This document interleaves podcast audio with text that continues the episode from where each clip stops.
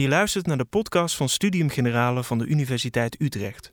Met wetenschappelijke verhalen voor iedereen.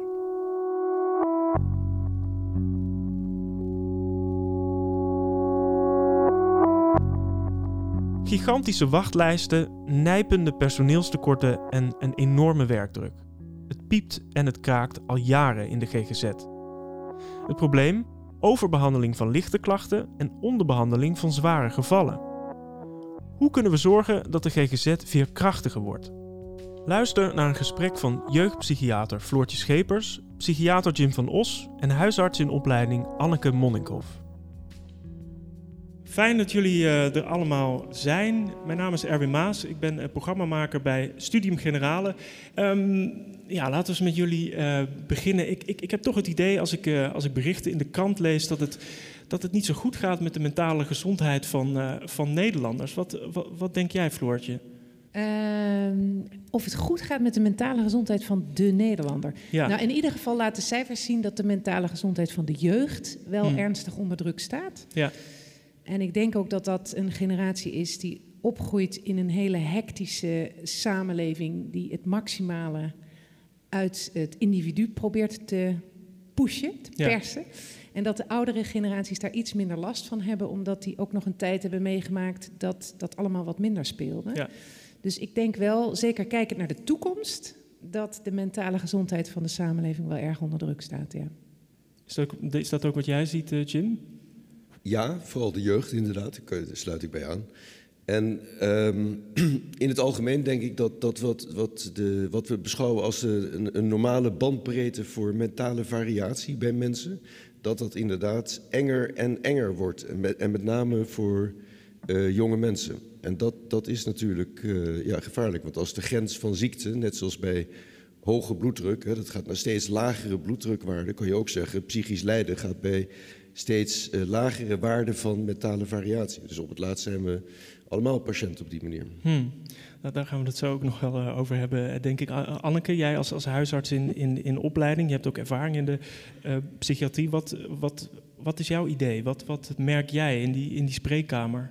Ja, ik zie natuurlijk denk ik een hele andere groep. Want nou ja, iedereen die bij jullie komt, die, die komt natuurlijk met psychische problemen. Um, wat ik merk is dat steeds meer dingen ook voor mensen door elkaar gaan lopen. He, dus omdat het leven zo druk is, er zoveel, we zoveel van onszelf vragen, dat, mm -hmm. dat sommige lichamelijke klachten eigenlijk al bijna niet meer los te maken zijn van alle, alle psychische dingen die daar misschien ook een beetje aan bijdragen, maar die daar dan ook weer gevolg van zijn. Dus, dus daar maak ik me soms wel, wel zorgen over, hoe dat steeds meer uh, in elkaar overgaat eigenlijk. Ja.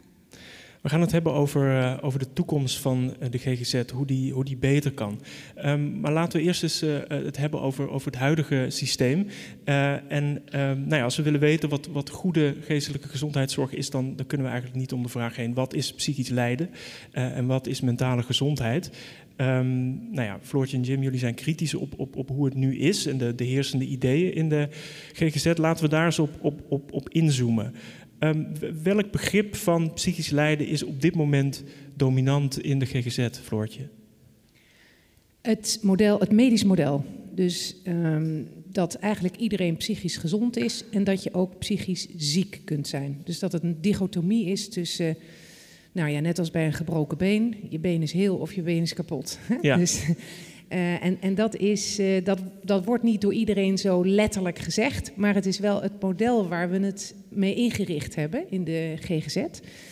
Um, en ook zeg maar, het model waarmee we uh, richtlijnen bouwen, protocollen bouwen. Um, je voldoet aan criteria, dan ben je ziek. Of mm -hmm. je voldoet er niet aan, dan ben je niet ziek. Terwijl de werkelijkheid heel dimensioneel is. Ja. En zeker als het gaat over psyche, over menselijke eigenschappen. Dan zou je kunnen zeggen het meest dominante systeem of uh, model is de DSM. Ik weet mm -hmm. niet of iedereen dat kent. Maar Misschien dat moet je het even uitleggen. Ja. ja, dat is een soort, dat wordt vaak gezegd, de Bijbel van de GGZ. hè. Dat is een groot handboek. En daar staan uh, inmiddels meer dan 500 stoornissen in, geloof ik. Dat waren er ooit 100 en dat is verveelvoudigd. En, en die stoornissen die zijn dan beschreven aan de hand van klachten, symptomen. Ja. En dan staat er, als je ze langer dan twee weken hebt, dan vink je hem aan. En als het korter dan twee weken is, nog niet. En als je twee van de drie hebt, dan wel. En één van de drie niet. En als je dan voldoet nou, dan krijg je die klassificatie. Dus en die, die, uh, die symptomen, dat, dat, dat is dan bijvoorbeeld uh, uh, angst of zo? Als je dan daar ja, ja. kan zich niet concentreren, zit te wiebelen op zijn stoel, oh. praat vaak voor zijn beurt. Nou ja, drie van de vijf, vink, vink, vink, ADHD. Ja. Ja, zo, zo gaat het ongeveer. Ja. En nou ja, dat is dus, zo hebben we de, de GGZ helemaal ingericht. En als je nou naar die DSM kijkt, naar al die 500 stoornissen en je probeert in essentie te doorgronden wat die stoornis is, dan gaat het om menselijke eigenschappen die we allemaal hebben. Dus er staat niks in die DSM wat niet een normaal mens ook heeft, mm -hmm. hè, of een gezond, geestelijk gezond mens ook heeft. Alleen de mate waarin je daar controle op hebt, ja, die kan wel verschillen. Dus angstig zijn is heel normaal, maar zo angstig zijn dat je de hele dag angstig bent en het niet meer kunt beheersen, ja, dat is vervelend. Ja. Ja, dus, dus, uh, ja, dus dat dimensionele betekent eigenlijk dat uh, psyche zich over de populatie verdeelt. De meeste mensen hebben het gemiddeld. Er zitten wat mensen in de uiterste. En we bepalen dan met elkaar zo'n soort cut-off score. Vanaf hier noemen we het ziekte Ziek. en tot daar is het nog normaal. Ja. ja. Um, tot wat voor zorg leidt dit beeld? Uh, misschien even een, een, een hypothetische uh, patiënt nemen. Er is iemand die heeft uh, last van, van angstklachten. Wat, wat, wat gebeurt er in dat huidige systeem met, met zo iemand? Die komt misschien wel eerst bij jou. Die komt eigenlijk altijd eerst bij mij. Ja. ja. En dan? En heel vaak hoeven we die gelukkig ook niet naar de GGZ te verwijzen. Dus, dus eigenlijk wat je als huisarts probeert, is om, om eerst eens in kaart te brengen: goh, uh, uh, hoe, hoe lang is het al zo? Hè? Uh, hoeveel last heb je ervan? Op welke manier? Ja. Um, en, en ga je dus in dat gesprek ook kijken wat, iemand, wat de vraag is van iemand. Ja. Um, is, het, is het duidelijk dat het, dat het heel ernstig is en dat, dat er echt meer zorg nodig gaat zijn, gespecialiseerde zorg, en dan verwijs je iemand, iemand door. Uh, maar dan heb je te maken met een wachtlijst, dus dan ben je vaak ook nog niet klaar als huisarts. En ter overbrugging spreek je zo iemand dan nog steeds. Ja. Um, maar eigenlijk in veel gevallen um, kom je er toch wel uit met een patiënt. Want het voordeel als huisarts is dat je iemand ook goed kent. Ja. maar, maar goed, ja, het neemt al toe. En dat is natuurlijk wel ook uh, wat wij merken in onze tijd. Dat het zijn vaak wel gesprekken die meer tijd kosten. En, en ik denk dat mensen in de GGZ dan soms ook juist ja, toch wat meer gestructureerde begeleiding krijgen. Want die heb je als huisarts eigenlijk in je opleiding niet, uh, niet gekregen. En, en, en dus uh, er zijn natuurlijk ook patiënten die jij wel wil doorsturen. Nou, die komen misschien wel op een wachtlijst en die Ja. kunnen heel, heel lang wachten. Uh, misschien uh, laten we voor, voor heel even doen alsof die wachtlijst er niet is. Uh, iemand komt bij een GGZ-instelling en dan, Jim, wat, wat is dan het, het, proces? Dan gaat iemand kijken met, met die grote Bijbel in, het, uh, in, Ja. in, in de hand. Wa, Nou ja, dus waar hebben we mee te huisarts, maken? eh, de huisarts moet dan een diagnose eh, opgeven, want daar, daar begint het hele proces. Ja. Eh, dat is echt interessant. Dus we moeten iemand eh, ergens zetten in een specialistische hoek van een specialistische diagnose. En dan is er een behandelstraat bij de GGZ die gespecialiseerd is in deze diagnose. En die met evidence-based richtlijnen, Repping, evidence-based richtlijnen, die stoornis gaat verhelpen in de zin van symptoomreductie. Alleen als de huisarts verwijst naar bijvoorbeeld de zorgstraat angststoornissen, dan is de kans groot dat de huisarts de patiënt terugkrijgt. En dat de specialistische zorgstraat zegt, ja, we zien wel wat angst, maar eh, eigenlijk is het persoonlijkheidsstoornis. Dus uh, je moet nu de patiënt verwijzen naar de zorgstraat persoonlijkheidsstoornissen. En dan is de kans groot dat je de persoon weer terugkrijgt en dat de zorgstraat persoonlijkheidsstoornissen zegt, ja, sorry, de, de, ja, misschien, maar Autisme. er is autisme en nou, et cetera. En dan uiteindelijk, hè, de, de, de grootste dooddoener is verslaving. Dus je stuurt iemand uh, vanwege verslavingsproblematiek naar de zorglijn verslavingszorg. En dan zegt men, uh, ja, maar er is ook psychose, dus dat kan helemaal niet. Eerst moet de psychose behandeld worden. Kortom, psychisch lijden komt niet voor in geïsoleerde diagnostische constructen. Het, is, het loopt allemaal door elkaar Ja. en iedereen heeft zijn eigen mix. En toch heb je al die verschillende instanties die eigenlijk op een kleine eilandje werken. Ja, je hebt het over uh, iemand die uh, met, met een verslavingsproblematiek die dan vaak nog wordt, wordt doorgestuurd. Daar heb jij geloof ik ook zelf een Ja. voorbeeld van, uh, Anneke. Helaas wel Ja. meerdere keren. Nou ja, het probleem is natuurlijk dat, dat psychische stoornissen eigenlijk nooit alleen komen. Dus dat, uh, nou, dat er vaak ook in het verleden dingen zijn gebeurd, die maken iemand kwetsbaar. Uh, dan ontstaan er soms psychische, nou ja, dat noemen we dan psychische stoornissen, waardoor iemand uit wanhoop eigenlijk uh, tot een verslaving valt, alcohol, drugs of iets anders. En dan kom je in een hele lastige visuele cirkel terecht. Uh, want wat er dan gebeurt is dat mensen komen bij mij en die zeggen het gaat niet. En het gaat dan ook niet. Het zijn Nee. echt, echt nou ja, vaak wel schrijnende situaties. Dus je wil als huisarts graag helpen en dan stuur je iemand eh, bijvoorbeeld naar een verslavingsarts. En dan zegt de verslavingsarts, ja, maar deze, deze patiënt die wil eigenlijk niet. eh, want die, in die hele psychische problemen maakt dat hij eigenlijk niet eh, eh, ja, committed genoeg is. En je moet het wel graag willen. Want als je niet zelf van je verslaving af wil, dan gaat het niet lukken. Nee, die moet naar de psychiatrie. Prima. Denk ik, goed, gaat hij naar de psychiatrie? Nou, dan komt, komen ze dus bij persoonlijkheidsstoornissen hè, of traumatische stoornissen. En zegt ze, ja, maar nee, deze patiënt is verslaafd. Nee, dat, dat gaan we, nee, want als we nu aan die psychische stoornis gaan werken... ja, dat lukt niet met de verslaving, want dan valt iemand terug. Ja, Gaat niet. Nou, dan komen mensen weer terug bij mij en dan zit ik met mijn handen in het haar. Want dan, eh, dan weet ik het soms niet meer. Klinkt vast heel efficiënt. ja het, klinkt, klinkt heel erg efficiënt. Eh, Jim, jij noemde net eh, de behandelingen zijn symptoomreductie. Wat bedoel je daarmee? Ja, dus het interessante is dat als je psychisch lijden beschouwt als, een, eh, als iets waar, waar een ziekte achter zit, Ja, dan wordt het heel logisch om een behandeling te geven die gericht is op eh, reductie van de symptomen van de ziekte. ja, En het lastige is dus dat eh, waarschijnlijk de bulk van psychisch lijden eh, is veel beter te beschouwen als, als een reactie op allerlei omstandigheden en contexten. Eh, zeker dingen als dus bestaanszekerheid die onder druk komt te staan, waar, waar- wat regelmatig gebeurt ja. in Nederland, in een rijk land als Nederland. Dan heb je dus dat je, dat je schulden hebt en dat je eenzaam bent en de bestaanszekerheid die wankelt. En dan is het in Nederland soms makkelijker om psychotherapie te krijgen dan om welzijn op recept te krijgen, bijvoorbeeld. Eh, dus eh, je, je kunt echt letterlijk kiezen. Als je een goed gesprek met iemand hebt je gaat naar die context toe, is het, is het sociaal, is het maatschappelijk of existentieel? Ook heel vaak het geval. Zit ik in de juiste relatie, in de juiste eh, baan, in, in de juiste samenleving zelfs? Dat soort dingen is ook vaak, ja, je kunt het wel diagnosticeren als een ziekte, maar je kunt beter kijken naar wat is er eigenlijk aan de hand. Ja, dus in die, die huidige be- behandelingen wordt daar niet naar, naar gekeken. Eigenlijk alleen maar, ja, dit is die ziekte, ziekte, dit zijn die, die kenmerken. We gaan er alles doen om die kenmerken te onderdrukken. Of in ieder geval om die, om die weg te halen. Eh, en dan is iemand genezen. Nou, het is heel gek als je, als je iets aan je, aan je lever hebt en je krijgt pijn.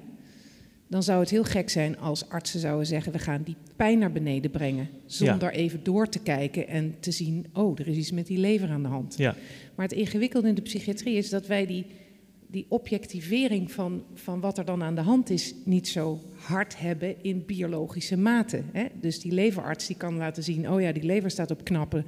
No wonder dat je pijn hebt. Ja. Laten we die lever gaan behandelen.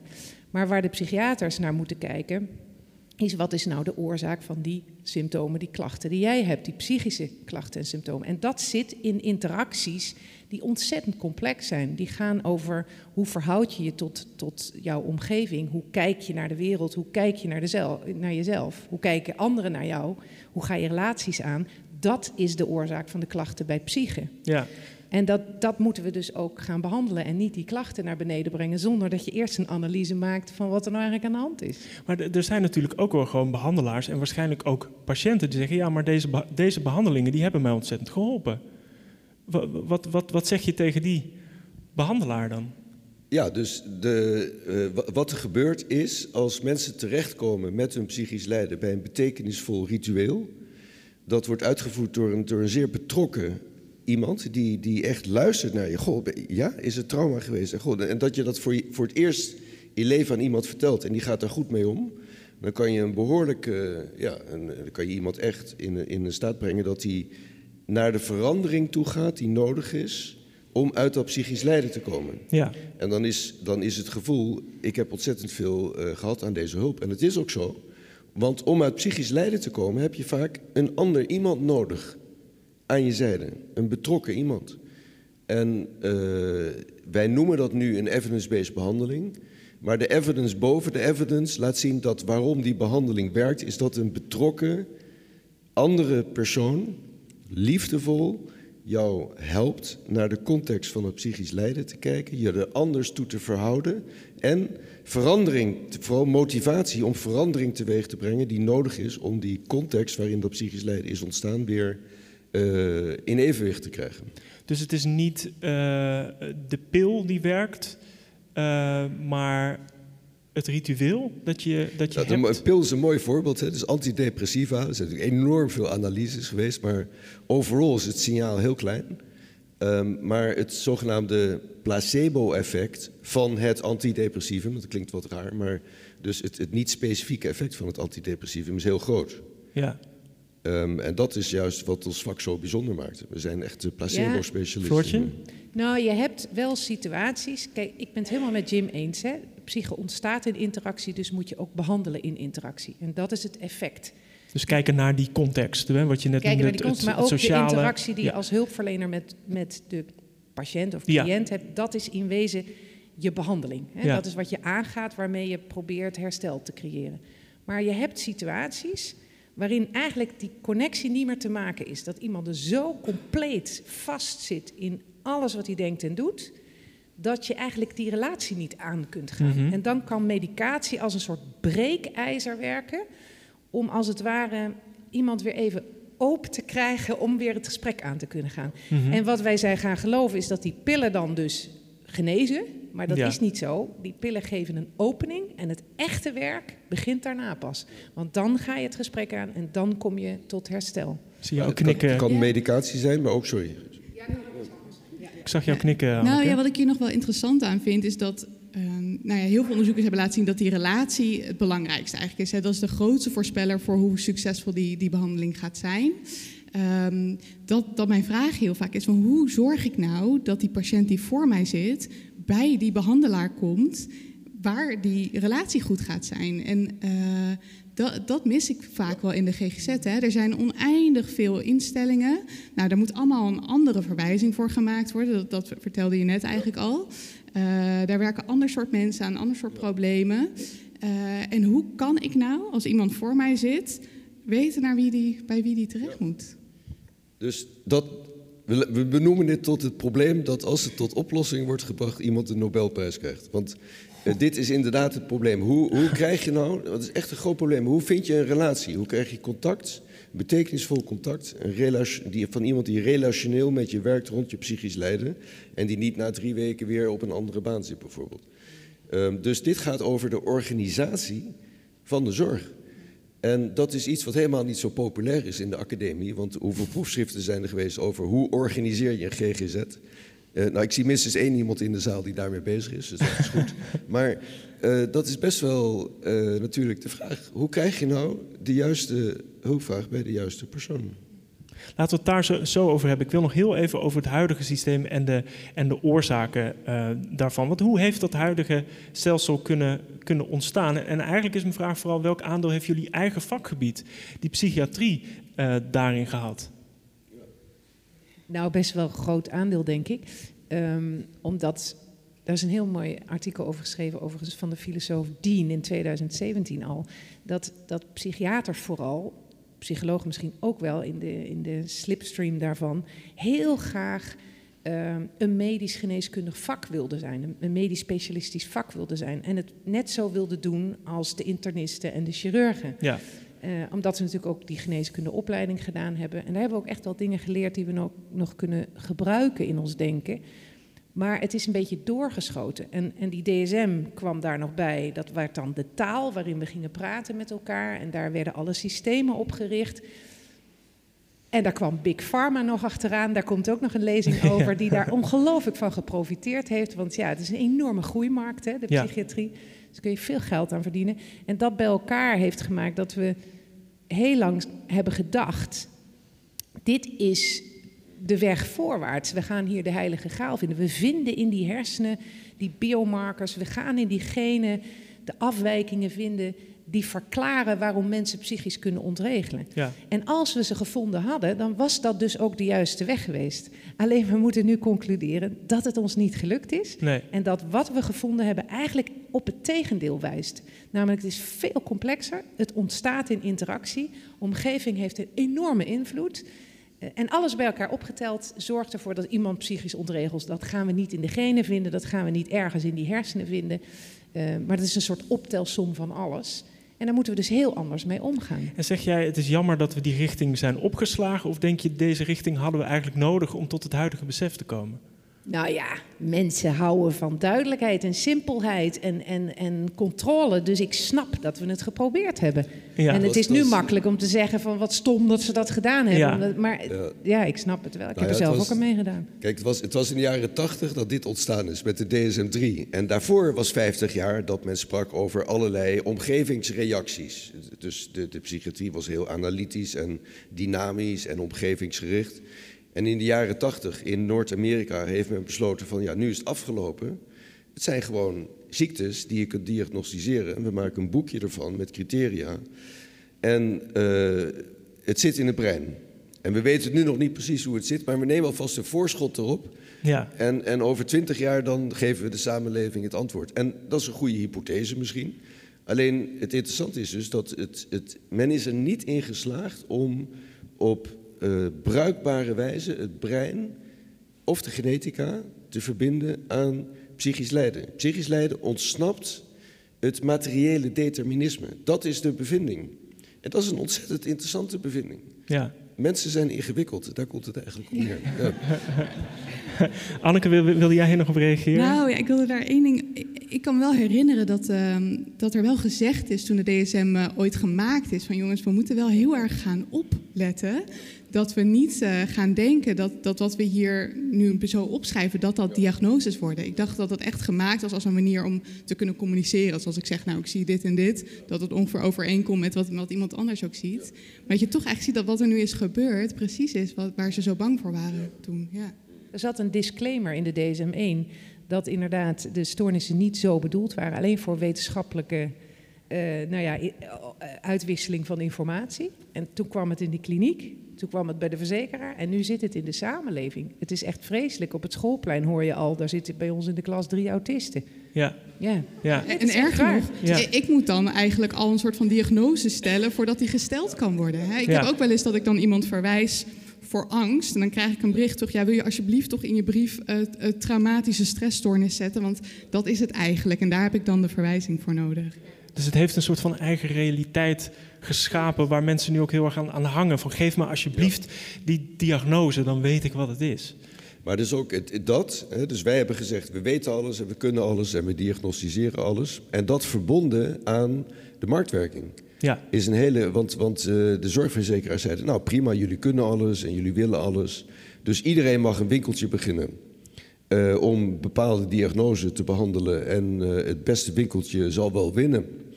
Dus je hebt een enorm rond die diagnostiek heb je ook een verdienmodel opgebouwd, waardoor het nog meer is ingedaald in de structuur van ons denken over psychische lijden. Kun, je dat in, in, een paar zinnen uitleggen hoe, de, hoe dat verdienmodel is? Ik denk dat dat wel interessant is om te weten. Ja. Nou, je bent bijvoorbeeld een hedgefund, een Duits hedgefund, hè, zoals ze zijn in Nederland. En je denkt, goh, die Nederlanders, ja, je kan hier gewoon een GGZ-winkeltje beginnen en zeggen, ik wil alleen die patiënten behandelen. Bijvoorbeeld uh, mensen met uh, milde depressie of uh, milde verslaving. Nou, die ga ik behandelen. Ik, ik, ga overal posters ophangen in de hoofdstad en in andere grote steden en zeggen: Kom bij ons, het is volledig vergoed. en wat doen mensen? Nou, die gaan dus daar naartoe, want die denken: van god, daar word je geholpen. En wij, de psychiatrische psychologen, wij werken daar en wij zeggen: wij hebben evidence-based behandelingen, dus het is waterdicht. Alleen het probleem is natuurlijk dat, dat, dat hebben we al eerder geconstateerd, als je niet voldoet aan die criteria en je hebt dus echt iets, uh, een combinatie van ernstig autisme, psychose, chronische suicidaliteit, agressie, niet Nederlands spreken, zwerfgedrag, niet op je afspraken komen, dan kom je er niet in. Hm. Uh, en dat is gebeurd, dat is letterlijk gebeurd in Nederland, onder onze ogen. En je krijgt er niet voor betaald, toch? Of minder eigenlijk? Dat voor ernstige minder, dingen... precies. Ja, dus een uurtje mild krijg je hetzelfde betaald. Uh, of een minuut, het gaat per minuut. Dus een minuut mild is hetzelfde als een minuut ernstig. Ja, dus dat... Dus het huidige systeem een klein beetje aangepast, maar nog niet helemaal weg. Dus er is, er is een incentive eigenlijk om, om, om de milde gevallen, om daar zoveel mogelijk van te behandelen, want dat brengt geld in het laadje. Um, misschien is dat ook een, een linkje naar die, naar die wachtlijsten. Want wat heeft dat huidige systeem met die, met die grote wachtlijsten te maken? Hoe komen die grote wachtlijsten tot stand? Wie? Nou ja, dus nou, ik, ik krijg dagelijks, uh, uh, ik denk vijf tot tien e-mails van mensen die beschrijven echt ernstige problematiek. En uh, die zeggen, we staan op een wachtlijst van drie tot zes maanden. En wat er dan gebeurt, is, laatst een mooi verhaal van een huisarts in medisch contact in het zuiden van het land. Die had iemand, die was net in haar regio komen wonen. Die had een ernstige combinatie van verslaving, psychose, suicidaliteit. Ze heeft die man 50 keer gezien in de huisartsenpraktijk over een periode van drie maanden. Uh, eindeloos gebeld en geleurd bij GGZ Oost-Brabant. En uiteindelijk heeft die man zich gesuicideerd. En uh, zij heeft toen een klacht ingediend bij de inspectie en gezegd: dit, dit kan echt niet in Nederland zoiets. Hoe, hoe, hoe kan dit ontstaan? En toen bleek toch dat de GGZ-instelling gelijk had, want ze konden aantonen dat de wachttijd was vol, de behandelaars waren te druk bezig. Um, en wat het dus is, is dat elk winkeltje is lekker druk bezig, hmm. Maar het grotere geheel verliezen we uit het oog.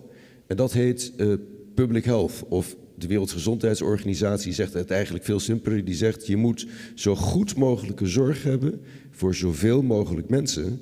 En in een regio van een, van een half miljoen mensen moet iemand dus ervoor zorgen dat dat gebeurt. Maar als iedereen alleen zijn eigen winkeltje zit te runnen, dan vallen er dus mensen buiten de boot. Daarom ontstaan die wachtlijsten. En die loketten, hè, daar hebben we het ook over gehad. Autisme, ADHD, depressie, allemaal apart. Dus iedere keer weer verwijzen naar de volgende. Dus je staat ook soms drie ja, keer op je staat de daar op de wachtlijst dan daar, dan, Precies. dan daar. En een toenemende vraag die we steeds met dit medisch model proberen te beantwoorden. Terwijl er allerlei sociale problemen spelen die we niet oplossen. Waardoor de problemen tijdelijk verlicht worden. Maar als mensen weer uit zorg gaan, een jaar later weer net zo hard terugkomen. En dan staan ze weer op de wachtlijst. Dus het, is, het, is een, het, het ligt aan zoveel factoren. Maar uiteindelijk, waar, waar het in essentie om gaat, is dat we het verkeerde denken toepassen om psychische problemen op te lossen. En dat is toch nog steeds dat idee dat er iets mis is in dat individu wat je kunt fixen in de GGZ. Dat, dat, dat is volgens mij wat ons heel lang ja, echt in verwarring heeft gebracht. Dat we daar naar zijn gaan zoeken en dat nog steeds niet vinden en nog steeds niet durven te zeggen: het is een doodlopende, heilloze weg, we moeten het anders gaan doen. Er was zo'n heel mooi essay van Robert Epstein, dat is ook zo'n filosoof. Die naam die roept natuurlijk allerlei hele enge associaties op, maar daar is het geen familie van. Zien mensen al denken, hm, ja. nou ja, En dat, dat essay dat heet, en dat vind ik ook zo'n mooie titel, The Empty Brain, het de, de lege hersenen. En hij heeft daar zo'n voorbeeldje in zitten, uh, dat vertaal ik dan even naar het Nederlands, dat als wij proberen het logo van de Albert Heijn te tekenen, dat ons dat niet lukt. Dus we kunnen het exact natekenen, we kunnen het in een fractie van een seconde herkennen, we zien het bijna dagelijks en toch krijgen wij het niet voor elkaar om uit ons hoofd het logo van de Albert Heijn te tekenen, terwijl het heel simpel is. Hoe kan dat nou? Dat komt omdat dat logo niet in onze hersenen zit psyche en denken is een emergent verschijnsel wat in interactie ontstaat. En, en die Epstein die zegt dus ook, ja, wat biomedisch wetenschappers in de GGZ doen, die zoeken naar het logo van de Albert Heijn in de hersenen. Maar het zit er niet, snap je? En, en, dat moeten we gewoon op een bepaald moment ook gaan toegeven. Van ja, dat vraagt dus om heel andere manieren van benaderen, bejegenen, organisatie, financiering en denken in de GGZ. En Denk je dat dat dan wel doet op die, op die wachtlijst? Want, want we gaan er nu een beetje aan voorbij. Maar waar, waar ik me echt wel zorgen over maak, is dat. Kijk, als huisarts heb je een, een poortwachtersfunctie. Dus je, je moet een poort kunnen openzetten voor mensen die die zorg nodig hebben. En wat er nu gebeurt, is dat, dat die poort staat eigenlijk dicht. Mm. en, en, en, wat er gebeurt bij zo'n, bij zo'n tuchtzaak, en er is, is ook nog een andere recent, dat dan zo'n verantwoordelijkheid eigenlijk komt te liggen bij een huisarts die daar niet, niet voor gespecialiseerd is. En, en wat er dus nu gebeurt is dat er steeds meer huisartsen, huisartsen, onder andere ook om dit soort dingen, geen praktijkhouder meer willen zijn. Geen vaste patiënten meer hebben, de patiënten niet meer goed kennen. En dan wordt het probleem, denk ik, alleen maar groter. Dus, dus hoe, ja, wat, hoe moet dat met die wachtlijsten dan? Ja, nou, dus jouw vraag is eigenlijk: is er, zijn er voldoende middelen om uh, mensen te behandelen die het nodig hebben? En het antwoord is ja. We besteden net zoals in andere landen ongeveer 10% van het gezondheidszorgbudget aan GGZ. Dus er is genoeg geld. Alleen het probleem is, uh, uh, sociale problematiek vindt zijn weg naar de GGZ. existentiële problematiek vindt zijn weg naar de GGZ. Uh, en de GGZ heeft als waarde, ik ben specialistiek en ik kies. Dus wat je moet doen, is eigenlijk de mensen die in het sociaal domein werken, de mensen die verstand hebben van existentiële processen, zoals ervaringsdeskundigen, die werken in herstelacademies in de, in de, bij de gemeente. Uh, de GGD, de huisartsen, de POH, de GGZ. Die moet je eigenlijk met elkaar verbinden in een, in een waardenetwerk. En dat waardenetwerk zegt, we laten elkaar niet in de steek en we laten de mensen niet in de steek. Daar moet je mee beginnen. Gegeven dat er voldoende middelen zijn. Ja, en je mag nog eerder beginnen, wat mij betreft. Want het begint eigenlijk, daar hadden wij het net al even over. Toen ik met mijn dochters bij het consultatiebureau kwam, heel lang geleden. um, toen zeiden ze: Nou, kunnen ze omrollen? Eten ze goed? Hoe, lang, hoe, hoe hard groeien ze? Maar niemand vroeg: uh, hoe gaat het met je nachten? Hoe, heb je, hoe is je relatie met je partner? Kun je het samen een beetje aan? Heb je een paar vriendinnen die in dezelfde situatie zitten waar je af en toe even mee kan sparren? Want taai is het, hè, kinderen krijgen. Niemand heeft dat gezegd. We, we zijn verleerd om gewoon over hele normale dingen die lastig zijn, die moeilijk zijn, waar je geen gebruiksaanwijzing voor hebt, met elkaar te praten. En elkaar daarin te helpen en op te voeden en, en, en reflectie te hebben en feedback te geven. Dat zou een veel steviger fundament zijn dan alles maar zelf op proberen te lossen. Individualistisch aan te vliegen en als je dan vastloopt, hulp te moeten zoeken bij een professional. Ja, ik, ik, heb een zoontje van, uh, van vijf maanden. En uh, het is heel, uh, heel, heel herkenbaar ook. En dat die vragen ook bij het, bij het consultatiebureau niet, niet ja, komt. Nog steeds niet dus, nee. mijn hemel, ja.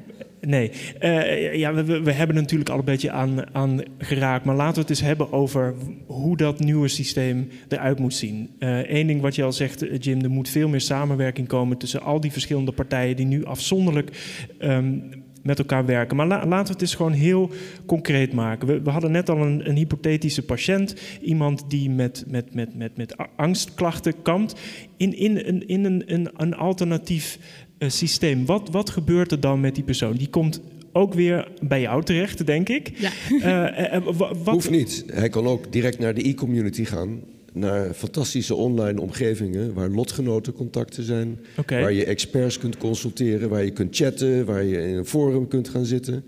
Um, er zijn er een paar van in Nederland. Die trekken miljoenen bezoekers per jaar. Zoals Psychose Zoals Psychose ja. zoals ja. Proud to be Me. Um, en dat zijn eigenlijk public health benaderingen van GGZ. Dat is een beetje waar Floortje ook aan refereert. Hè. GGZ gaat heel veel over public health, publieke gezondheid. Waar, en dat wil zeggen gezondheid die gratis is, 24 uur per dag aanwezig. Want als je naar de cijfers kijkt, 20% van de Nederlanders voelt dat er significant psychisch lijden is, wat de oorzaak dan ook is, in een jaar.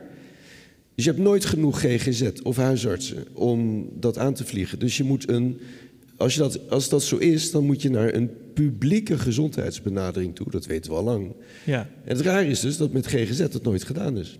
Dus je moet veel meer publieke GGZ hebben en dan vervolgens de zorg, die is er natuurlijk ook, die moet je ontschotten en uh, niet meer uh, laten functioneren op basis van belangen of specialismen. Hoe meer specialismen je hebt, hoe meer wachtlijsten. Dat zei Adam Smith al in de 17e eeuw. Uh, dus dus je, kunt dat je kunt het makkelijk anders organiseren, maar het eerste wat moet gebeuren is dat mensen rond de tafel gaan zitten uit al die verschillende, van al die verschillende partijen en zeggen: we gaan het gewoon doen. Ja. Want de zorgverzekeringswet die blijft. Dat kan je vergeten. Als je denkt dat een politieke partij zich gaat branden aan de verandering van de marktwerking, alle ellende die daaruit voort is gekomen, gaat niemand doen. Geen zin. Dus de zorgverzekeringswet blijft, de wet uh, maatschappelijke ondersteuning blijft, de uh, participatiewet blijft en de jeugdwet blijft. Dus binnen die vier wetten moet je elkaar gewoon gaan vinden en zeggen we gaan samenwerken. En je moet elkaar leren naar psychisch lijden te kijken door een andere bril. Wat dus is die bril? Niet, niet de ziektebril, maar de bril van dat het ontstaat in wisselwerking tussen persoon en omgeving.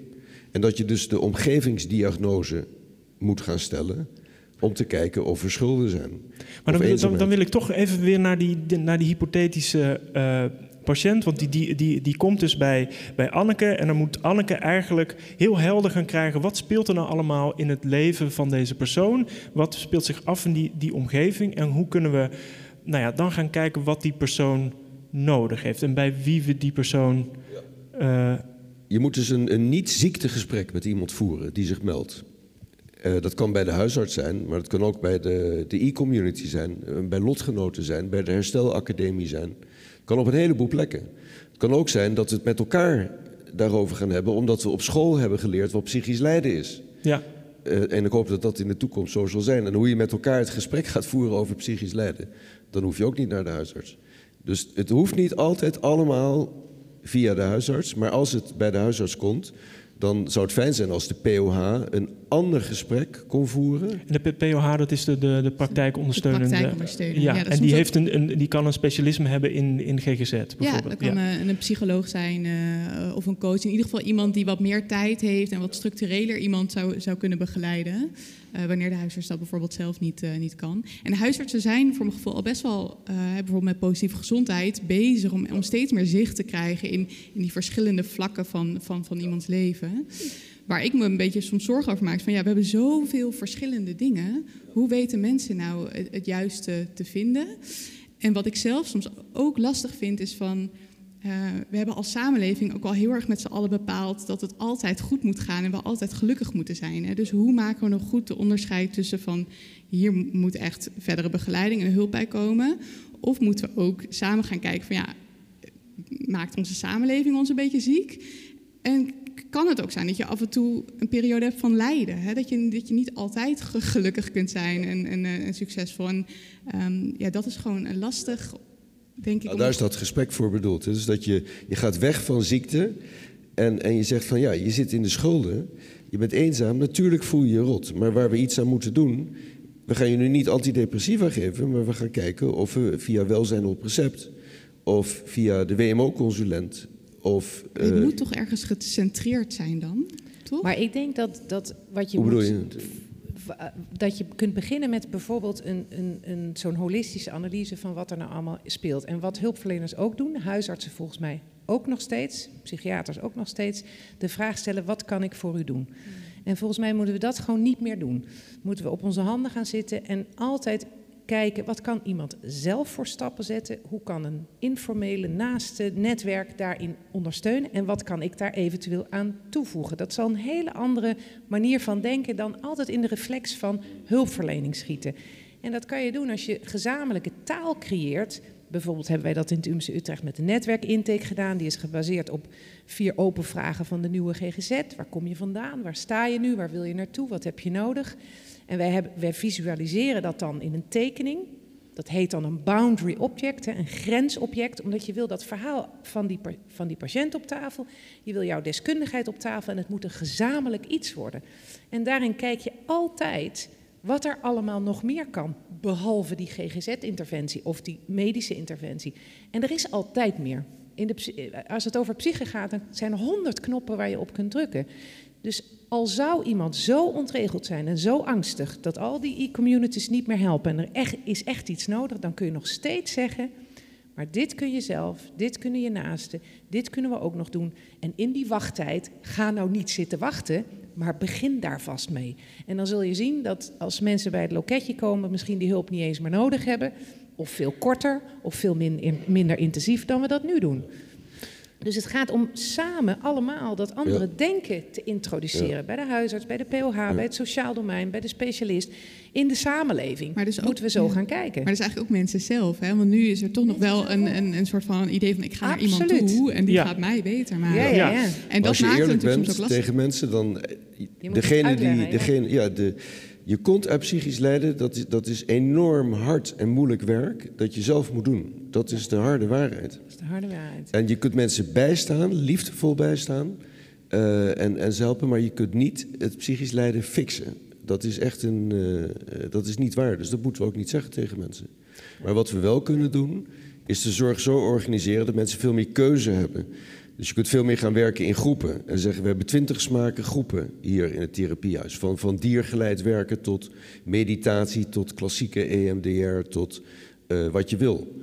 En kies maar, kies maar de manier waarop jij denkt dat je het beste die verandering kunt opzoeken waar je voor staat.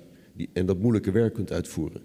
Als je dat al zou doen, want we- denken dat alles één op één moet in de GGZ. Maar je kunt natuurlijk ook veel meer in groepen organiseren en gebruik maken van elkaars ervaringsdeskundigheid in die groepen. En dan opeens is samen met de e-communities is er geen wachtlijst meer, omdat het aanbod oneindig is. Als je dingen in groepen doet. Uh, en je kunt ook tegen de GGZ zeggen: sluit je nou niet in behandelstraten op en bied mensen 30 sessies aan. Waarom 30 sessies? Maar kom uit je behandelstraat. En als de huisarts je belt, ga dan gewoon naar de huisarts. En ga daar die persoon zien. En wat houdt dat nu tegen? Nu houdt het tegen de manier waarop de zorg georganiseerd is. Als GGZ-organisaties dat doen, dan gaan ze failliet. Dus je moet eerst bereid zijn om jezelf op te heffen en op een andere manier te gaan werken en organiseren. En er zijn nu GGZ-organisaties die dat doen. Die zeggen: oké, uh, dit is niet houdbaar. En we gaan op in een groter geheel, een ecosysteem, samen met al die andere mensen. En we gaan op een andere manier werken en we zetten een andere bril op als we kijken naar psychisch lijden. En we hebben nog steeds specialisten nodig natuurlijk. Dat, ja. dat is niet het punt. Maar moet je, moet je helemaal van die diagnoses uh, af? Het, kunnen we eigenlijk die, die, die, die Bijbel, die, die DSM gewoon helemaal uh, weggooien? Nou, de vorm van het psychisch lijden verschilt van persoon tot persoon, maar ook binnen de persoon over de tijd. Dus de vorm kan zijn dat je dwang hebt, of dat je uh, zuchtig bent, of dat je stemmen hoort, uh, of dat je uh, heel somber bent. Dat kan allemaal en het kan allemaal in combinatie. Maar daar hebben we geen DSM voor nodig. Nee. Want dat zijn, dat zijn hele duidelijke indelingen. Je denken kan verstoord zijn, dan ben je psychotisch. Je, kunt, je regulatiesysteem kan een beetje ontregeld zijn, dan ben je heel angstig. Je, kunt, je stemming kan gedesreguleerd zijn, dan ben je heel somber of juist heel voor je controlesystemen kunnen een beetje over, overrated zijn en dan ga je alles controleren. Dus, maar dat zijn hele grove beelden of uitingen van psychische stress, waar je echt geen DSM voor nodig hebt om dat vast te stellen. Tien dimensies. Tien dimensies of zoiets, ja, precies. En, en, en daar hoef je zelfs geen psychiater voor te zijn, bijna, omdat, omdat, ja, dat zeggen we niet altijd. Maar daar gaat het ook eigenlijk niet om. Want uiteindelijk, als je kijkt naar onze interventies, psychotherapie, cognitieve gedragstherapie, uh, IPT, allerlei uh, medicijnen, nou ja, dat is niet zo heel specifiek voor één stoornis bedoeld. Zeker bij complexe patiënten zie je dat je eigenlijk uiteindelijk alles maar probeert en toepast. Dus ja. het is niet zo dat we interventies hebben die alleen maar werken bij angst. Nee. Die werken vaak ook bij depressie en die werken ook wel eens als additietherapie bij weet ik veel wat. Ja. Ik denk dat, dat iedereen baat zou hebben bij therapie, toch? Als je gewoon kijkt hoe complex een mensenleven is. Ik denk dat als iedereen gewoon in therapie zou gaan, dan zouden we veel... Bij elkaar dan, toch? Ja, als groep. Ja, dus niet, niet bij jullie twee. Niet bij jullie drie. Niet in de geest. Uh, Floortje en Jim, jullie zijn natuurlijk ook wetenschappers. En uh, uh, jullie zeggen eigenlijk het, het, het, het, oude systeem, of in ieder geval het, het, idee van psychisch leed, die, die DSM, dat is gewoon bewezen niet, niet effectief. En het werkt niet. hoe bewezen is, is wat jullie voorstellen? Ja, dus... Um het is natuurlijk een, een, enorme kwestie, maar ik denk dat het metabewijs laat zien dat als je psychisch lijdt, dat je dan contact met een ander mens en een betekenisvol ritueel dat jij als persoon ziet zitten, omdat dat ritueel overeenkomt met jouw wereldbeeld. Uh, dus overweldigend bewijs dat dat helpt bij psychisch lijden. En als we dat ter harte nemen, en dus uh, betekenisvolle rituelen organiseren waar mensen uit kunnen kiezen. Mm uh, namelijk dat ze diergeleide therapie kunnen kiezen als dat bij hun past. Dat ze shamanistisch werken kiezen als dat bij hun past. Of dat ze ja. uh, running therapy of antidepressief. Sommige mensen willen een pil, dat je een pil Er zijn eigenlijk geen, geen taboes meer wat dat betreft. Nee, ik denk dat we veel opener moeten zijn voor het feit dat verandering... Het gaat altijd om verandering. En uh, mensen, mensen veranderen niet graag, dat onderschatten we. Dus het is helemaal niet zo makkelijk altijd om psychisch lijden eh, te kanaliseren voor de persoon zelf. Want dat werk dat verricht moet worden, is vaak heel taai, ja. zwaar werk. Maar daar, daar durf ik wel te zeggen dat we natuurlijk kunnen we daarin veel ruim denken. Er zijn zeker voor mensen die ook zelf nog wel enige grip hebben. Maar het is ook risicovol als mensen echt helemaal de controle kwijt zijn en het niet meer voor elkaar krijgen met de gewone huistuin- en keukenmiddelen om weer een beetje grip op hun leven te krijgen. Als ze dan niet bij iemand terechtkomen die toch ook de stevigheid heeft om met die onzekerheid om te gaan, om met die chaos om te gaan en uh, daarvoor niet op een, ge uh, gegeven moment nee, weg natuurlijk. te lopen. Maar wat hè? ik bedoel is dus, Dus- dat de hulpverleners, de psychologen, de psychiaters en alle geaccrediteerde hulpverleners moeten verschillende smaken Ja. aanbieden waar de mensen uit kunnen kiezen als een manier tot verandering. Maar zij, zij moeten dus ook de kennis hebben, of het, het inzicht hebben in een patiënt om te kunnen bepalen we- nou, welke smaak dan past. Is het niet zo dat je dan ook weer in een soort van hetzelfde riedeltje terechtkomt? Nou, eh, we, we gaan nu die, die dierentherapie, nou dat werkt niet, nu, nu stuur ik je weer naar de geestelijk verzorger. Dat, dat, dat kan Nee, op dus- dezelfde manier gebeuren weer. Wat, wat wij voorstellen in dat ecosysteem is dat je gewoon 10 of 20 smaken hebt van groepen. Ja. Dat via groepen. Die kun je goedkoop runnen. En je kunt ze verschillende smaken geven, eh, zodat mensen zich ermee kunnen identificeren. Dat is helemaal niet moeilijk om te organiseren als mensen kunnen dat proberen. Want vaak is een kwestie in de GGZ wat mensen doen over vijf of tien jaar met ernstige problematiek. Proberen dit, proberen dat, proberen dat, proberen dat. En op het einde vinden ze iets dat werkt voor hen. Ja, En wat ze vaak zeggen is: waarom, waarom duurde het zo lang voordat ik bij datgene kwam wat voor mij een beetje soelaas gaf? Waarom kon ik niet eerder kiezen? ja, En je kunt het niet voorspellen. Er is niet een soort test die je kunt doen. Jij dat soort therapie, jij dat soort therapie. Die bestaat niet. Het is niet voorspelbaar. Dus je kunt veel beter mensen iteratief laten kiezen tot ze op iets stuiten wat werkt. Maar je moet het wel mogelijk maken dat er iets te kiezen valt. ja. En toch is dat proces soms ook relevant. Ik had laatst een gesprek met een psychiater en die zei, was een groot pleitbezorger van de biologische psychiatrie. En die zei, nou, ik had een patiënte en die zat al twintig jaar in de GGZ en die had alle interventies en opnames en al, niets werkte, suicidaal. En eh, nou ja, toen op een gegeven moment heb ik er toch voor een second opinion naar een een of andere hotemethode op het gebied van depressie gestuurd. En die had gezegd, ja, ik zie dat in al die jaren is het nog niet een tricyclisch antidepressivum geprobeerd. En die mevrouw die kreeg dat voorgeschreven en er was een soort wondergenezing. En toen zei hij, nou, dat is toch het bewijs dat de biologische psychiatrie ook een, ook een rol Mhm. heeft. Want deze mevrouw knapt op van dit medicijn. En toen zei ik, denk je nou werkelijk dat als je dit medicijn 22 jaar geleden had gegeven aan deze mevrouw zonder verder iets te doen, dat zij net zo wonderbaarlijk was opgeknapt? Toen zei hij, nou ja, hmm, misschien niet. dus soms heb je dat proces van zoeken ook nodig. En, en is dan dat laatste ding wat je vindt, wat dan helend is, niet per se dat ding, maar gewoon het tipping point waarop je komt en op een gegeven moment besluit, ik ga het anders doen. Martijn Kolen kan dat zo mooi vertellen. Die heeft Enik Recovery College opgericht en die zat als chronisch patiënt in de GGZ, schizofrenie op zijn voorhoofd bijna ge- geschreven, vast op de langdurige zorgafdeling. En hij kwam iemand tegen en die zei, wat zit jij hier nu nog na twintig jaar? En toen dacht hij echt, zo beschrijft hij dat ook, zo'n moment.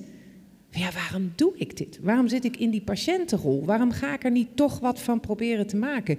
En die heeft echt ja, voor zichzelf dat kantelmoment als het ware in gang gezet en is toen hersteld. En die heeft nu Nee, Recovery zeker, College ja. opgericht en denkt, Ja. jeetje, zo kan het dus gaan. Dat Maar is ik hoop ook niet niet dat je wil zeggen dat, dat we keuzes gaan beperken, zodat mensen maar op een gegeven moment via een Nee, nee. hele lange omweg op een moeilijk. eh, Nee, ik vind het heel goed als mensen keuzes hebben, Want denk maar dat mensen moeten vertrouwen dat mensen echt ook wel. eh, want wij denken dat we alles voor hen moeten beslissen en indiceren. toch? Ik denk dat mensen ook goed kunnen kiezen. Ja. Maar niet altijd. Er zijn ook Nee, momenten maar als dat je keuze niet maar tien, meer... tien of twintig smaken groepen in het leven roepen, waar heel laagdrempelig, waar Ja. geen wachtlijsten, geen toestanden. Waarom roepen we dat niet in het leven? Dat mensen daar dingen kunnen proberen en experimenteren en leren. Ja. Want Maar wat doe jij dan? Dat vraag ik me dan af, Jim. Want eh, ik ik heb ook wel eens mensen die zeggen... ja, ik kies ervoor om, eh, om hier in de vuiligheid, in de rotzooi in mijn huis te blijven zitten en niks te doen. En eh, iedereen klaagt over geluidsoverlast in de woning. Maar eh, daar heb ik verder geen last van. Ja, nee, maar je hebt dus allerlei gradaties en Precies. dimensies van wilsbekwaamheid en gedrag, et cetera. Ja. Dus, maar Dus de, de grote bulk van de GGZ die nu de wachtlijsten veroorzaakt, Dat is waar. dat zijn de mensen met relatief milde Dat is waar. problematiek, waar we die enorme, dat enorme groepsaanbod voor moeten hebben, zodat de GGZ zijn werk kan doen met mensen die jij Ja. beschrijft. Oké, nee, dan, het is maar dan één onderdeel. Het is maar één onderdeel. Maar de wachtlijsten worden veroorzaakt doordat al die mensen die in de toekomst naar die groepen gaan, nu worden gehijacked in zorgstraten waar ze 30 sessies krijgen, waardoor de zaak dicht komt te zitten. Ja, nee, daar heb je absoluut Anne- Anneke, als jij hier zo naar, naar, naar, naar luistert, wat, zie, je, zie, zie jij het zitten?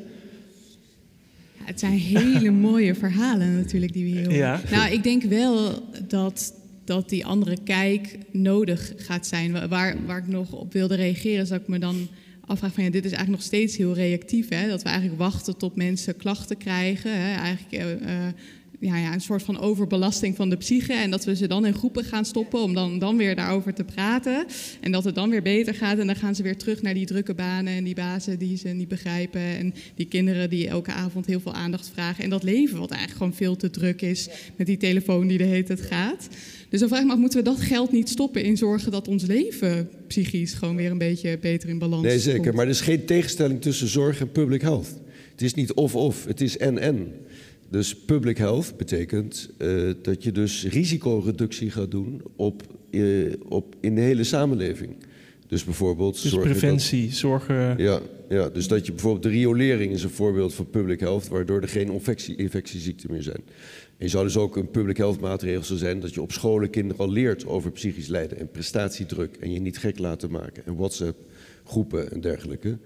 Ehm, en je hebt ook pestprogramma's op scholen, dat is allemaal public health. En er valt heel veel voor te zeggen om veel meer public health in het leven te roepen om dingen te voorkomen. Maar je hebt ook de zorg. Je, gaat niet, je kunt niet zeggen het is of-of. Je hebt ook de zorg die anders georganiseerd moet worden. Nee, zeker. Ja, dus, dus, dus die groepen zouden natuurlijk nu al een heel goed groot deel kunnen wegvangen. En het zou helemaal mooi zijn als dan vanuit zo'n groep ook beter gekeken kan worden van voor wie is meer nodig en niet. Hè? Dat is nu natuurlijk soms ook een lastige inschatting voor een huisarts van wij weten ook dat die wachtlijsten heel lang zijn. En dus je gaat proberen, kost wat kost, zoveel mogelijk mensen niet te verwijzen.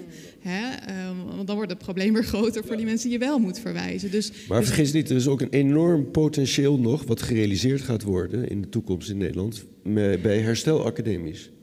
Dus herstelacademisch zijn, eh, dat zit in de WMO... dat wordt gerund door ervaringsdeskundigen... En die hebben een heel ander model. Dat, zit- dat, dat zit in de WMO. In de WMO, in de gemeente. Dus dat zit ja. buiten de GGZ meestal. Wet in de gemeente. opvang. En dat zijn plekken die, die als paddenstoelen uit de grond schieten in Nederland. En dat zijn plekken die worden gerund door ervaringsdeskundigen. Maar die hebben niet het, model, het medisch model van psychisch lijden. Maar het weerbaarheidsbevordering model van psychisch lijden. Dus Ja. Eh, eigenlijk waar we het net over hadden. Een ander gesprek met mensen. En leren ermee omgaan. Leren perspectief te krijgen, et cetera. en dat Maar blijft helemaal wat- weg van die, van die medicalisering. Ja, en wat zij doen is, heel interessant, zij hebben leergroepen.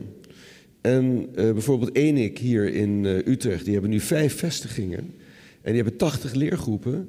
En je ziet dat die steeds meer dingen gaan overnemen van wat wij de specialistische GGZ noemen. Dus bijvoorbeeld stemmenhorengroepen.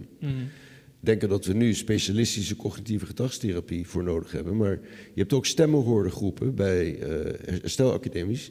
Die, waar mensen ook leren omgaan met die stemmen. Ja. En- Maar we mogen ook wat activistischer. Ik sluit wel aan bij jou hoor. eh, Naar die samenleving toe zijn. Want jij noemde voordat we hier aan begonnen, net even in de voortijd. Eh, Wanda de Kanter, hè, die, die activistisch als longarts zegt: hoe kan het dat pakjes sigaretten nog steeds betaalbaar zijn voor Mhm. jongeren? Ja. En, en zo zijn er ook internisten die van die operaties aan de maag doen bij overgewicht, die zeggen: waarom is er geen suikertax? En ik vind dat de psychiatrie ook wat harder van zich mag laten horen als het gaat over hoe wij de samenleving inrichten qua mentale belasting. En dat we geen pauzeknop meer hebben waar we op, in, hè, waar we op kunnen drukken als het gewoon even Ja. te veel wordt. Dat, dat, is, dat is echt zorgelijk. Maar dus niet, niet we alleen rennen dat. gewoon Want, op een muur af. ja, want ik, ik vraag me af, kun je zo'n transformatie eigenlijk wel doorvoeren als niet alle andere onderdelen van de maatschappij ook mee, mee veranderen? Kijk, als er jaar in jaar uit bezuinigd wordt op, op sociale voorzieningen, dan heeft dat daar ook effect op. En dan kom je Ja, dus absoluut. uit bij wat, wat jij eigenlijk al even zei, is die samenleving niet zelf ziek, ziekmakend? En moeten we wel. dat ja. niet op een hele brede manier aanpakken? Nu zijn we als artsen natuurlijk daar ook niet zo goed in. Want ook onder artsen nemen natuurlijk burn-out en, en, en stress en eh, stoppen met werken toe. jullie, dus, jullie dus geven zelfs, niet het goede voorbeeld. Zelfs Nee. wij vinden dit heel lastig om te doen. Laat maar zien hoe lastig het dus Ja. ook is. Ja. Maar de, de cardiologen, dat is wel grappig. Hè? De cardiologie is een vak geweest dat vanaf het begin heel veel gedaan heeft met public health. Naast high-tech geneeskunde. Waardoor sterfte aan cardiovasculaire ziekten spectaculair is gedaald. Omdat mensen gezonder leven en, en eh, meer bewegen. Dat zijn allemaal public health maatregelen. Eh, en de kanker heeft nu cardiovasculaire sterfte ingehaald. Dus dat is een spectaculair succes. Maar de psychiatrie heeft zich nooit geïnteresseerd in public health. uh, maar altijd maar in dat brein. Het, het individuele geval. Individuele gevallen en nooit denken van hoe kunnen we de samenleving beter inrichten, zodat, zodat er weerbaarder mensen Oh, ja. Dat je wel heel veel credits aan de cardiologen geeft. Want echt waar, het is, ik, ik, weet niet of jij het herkent, maar volgens mij is het probleem in de samenleving ook dat we zitten, niet bewegen, ons helemaal vol stoppen met slechte dingen en onze vaten dichtslippen. Maar goed. Cardiovasculaire sterfte is spectaculair gedaald in Nederland. Het is echt Misschien is dat een, een, onderwerp voor, voor een ander uh, programma. We gaan zo naar, naar, naar jullie vragen. Ik wil nog één uh, nou ja, laatste vraag stellen. We hebben natuurlijk uh, onlangs een, een, een, integraal zorgakkoord gekregen. Nou ja, daar wordt in ieder geval door de verschillende partijen binnen de zorg worden, worden afspraken gemaakt. Hoe gaan we het de, de komende jaar doen? Van wat jullie eigenlijk zeggen, hoeveel komt daarvan terug in dat plan? Best wel wat. Er staat heel nadrukkelijk in dat uh, er samengewerkt moet gaan worden met het sociaal domein. Er staat in dat we in netwerken moeten gaan samenwerken. Er staat in dat er verkennende gesprekken in gezondheidscentra gevoerd moeten worden die niet medicaliseren. Die kijken naar wat mensen zelf kunnen doen, wat ze in hun normale omgeving kunnen veranderen om weer in balans te komen. Er zitten best wel wat goede dingen in en de principes van passende zorg worden uh, gehanteerd. Dat zijn vier principes: dat het moet gaan over gezondheid, niet over ziekte, dat het zo dicht mogelijk bij mensen thuis moet zijn, dat het in samenspraak met patiënten moet zijn, dat ze wat te kiezen moeten hebben. En dat het waarde moet toevoegen aan levens van mensen, hè, wat je doet. Niet alleen maar symptoomreductie, maar dat het ook iets moet betekenen voor iemand. Het zit er allemaal in, maar het ISA begint wel met de openingszin aan het marktsysteem gaan we niks veranderen. Hmm. Dus de vraag is, geeft de overheid ook de juiste kaders om die transformatie ook echt te gaan realiseren met elkaar? Ik, ik ben het helemaal met Jim eens, je moet het gewoon gaan doen. Maar het, het wringt soms wel als je kijkt naar de mogelijkheden die geboden worden in het huidige stelsel. Dus uh, ik, ik, denk dat het een supergoeie eerste aanzet is en dat we de komende jaren hopelijk gaan aan, tonen dat er meer nodig is dan alleen maar zo'n integraal zorgakkoord. Wat, wat, want de huisartsen hebben niet getekend. Want de, de, de, huisartsen die zijn niet zo enthousiast. Uh, hoe, hoe, nou, kijk jij daarnaar? Kijk, waar de huisartsen zich zorgen over maken, is dat er hele mooie dingen zijn opgeschreven en dat die dan vervolgens niet, niet waargemaakt worden. En ik denk dat dat, dat uh, het grote heikelpunt is geweest van de huisartsen. Omdat de ervaring is dat dat niet gebeurt. Omdat wat de ervaring is dat eigenlijk de beloftes uit het vorige akkoord niet, uh, niet nagekomen zijn. En um, uh, de huisartsen hebben gestaakt ook. En dus dat speelt denk ik ook mee. Er is nu veel zorgen gewoon over gaan we het redden? Er komt te veel zorg in de toekomst. En uh, als het doorgaat op deze manier, dan gaat het gewoon niet lukken. En dan wordt dus de realiteit dat jullie als patiënten voor de dingen waarvoor je nu naar de huisarts gaat, dat dat niet meer kan. En die gesprekken voeren wij nu al. Uh, en daar moeten we ons wel een beetje zorgen over maken. En ik denk dat, dat daarom de huisartsen kritisch uh, zijn, uh, zijn geweest, terecht. Hmm. Um, niet omdat er geen mooie dingen in dat akkoord staan, mm daar ben ik het mee eens. maar de vraag is wel van hoe dan precies? Ja. Hè? En, en, en met welk geld? Dus ze, ze zeiden niet van we nee, ze zeiden vooral van laten we in de komende drie maanden beter uitwerken hoe dan precies. Jim, ben jij uh, hoopvol? Nou, ik ben voorzichtig optimistisch, omdat uh, specifieke projecten ook genoemd staan in het ISA. Ja. Onder andere dat ecosysteem waar we mee bezig zijn. Dat is een soort signaal dat iemand ergens het de moeite waard vindt hè, om, om uh, dat de Te nood experimenteren zo, eigenlijk. Ja, dat de nood zo hoog is dat er, op bredere, uh, breed, dat, dat er breed geëxperimenteerd moet worden. En dat merk ik. En wat Floortje zegt, hè, al die dingen staan genoemd, dat is hartstikke goed. Um, maar waar gaan de experimenten plaatsvinden en wie gaat ze evalueren? Dat is best wel een ding. Want vroeger had je dit soort gelden, die gingen dan naar de GGZ-instelling met de langste wachtlijsten. Die zeiden, ja, wij hebben recht op die transformatiegelden, want wij hebben de langste wachtlijsten, dus kom maar op. Ja, dat werkt dus niet. En dat, dat gaat niet nog een keer gebeuren. Nee. Dus ik hoop dat het geld dat nu beschikbaar is, uh, dat het naar de goede dingen gaan, maar ook divers. Dat er breed geïnvesteerd wordt. Dus dat uh, dingen waar Floortje mee bezig is, dat er geld in wordt gestopt. Dingen waar wij mee bezig zijn, dat er geld in wordt gestopt. Dat uh, Breburg is in, met interessante dingen bezig, vinden ze, nou moet je ook geld stoppen. Dus dat je echt een, een, een actieonderzoek gaat creëren in Nederland. Uh, en volgens mij zijn we zover dat dat gaat gebeuren. Dat betekent niet dat de oplossing daar is, dat kost nog tien jaar. Maar eh, ik ben gematigd optimistisch dat er nu iets meer gaat gebeuren dan alleen maar ritueel wachtlijsten geld verdelen. Ja. Dank jullie wel voor jullie eh, wijsheid. Mag ik een, eh, een groot applaus voor Anneke Monnikhoff, Floortje Schepers en Jim van Os.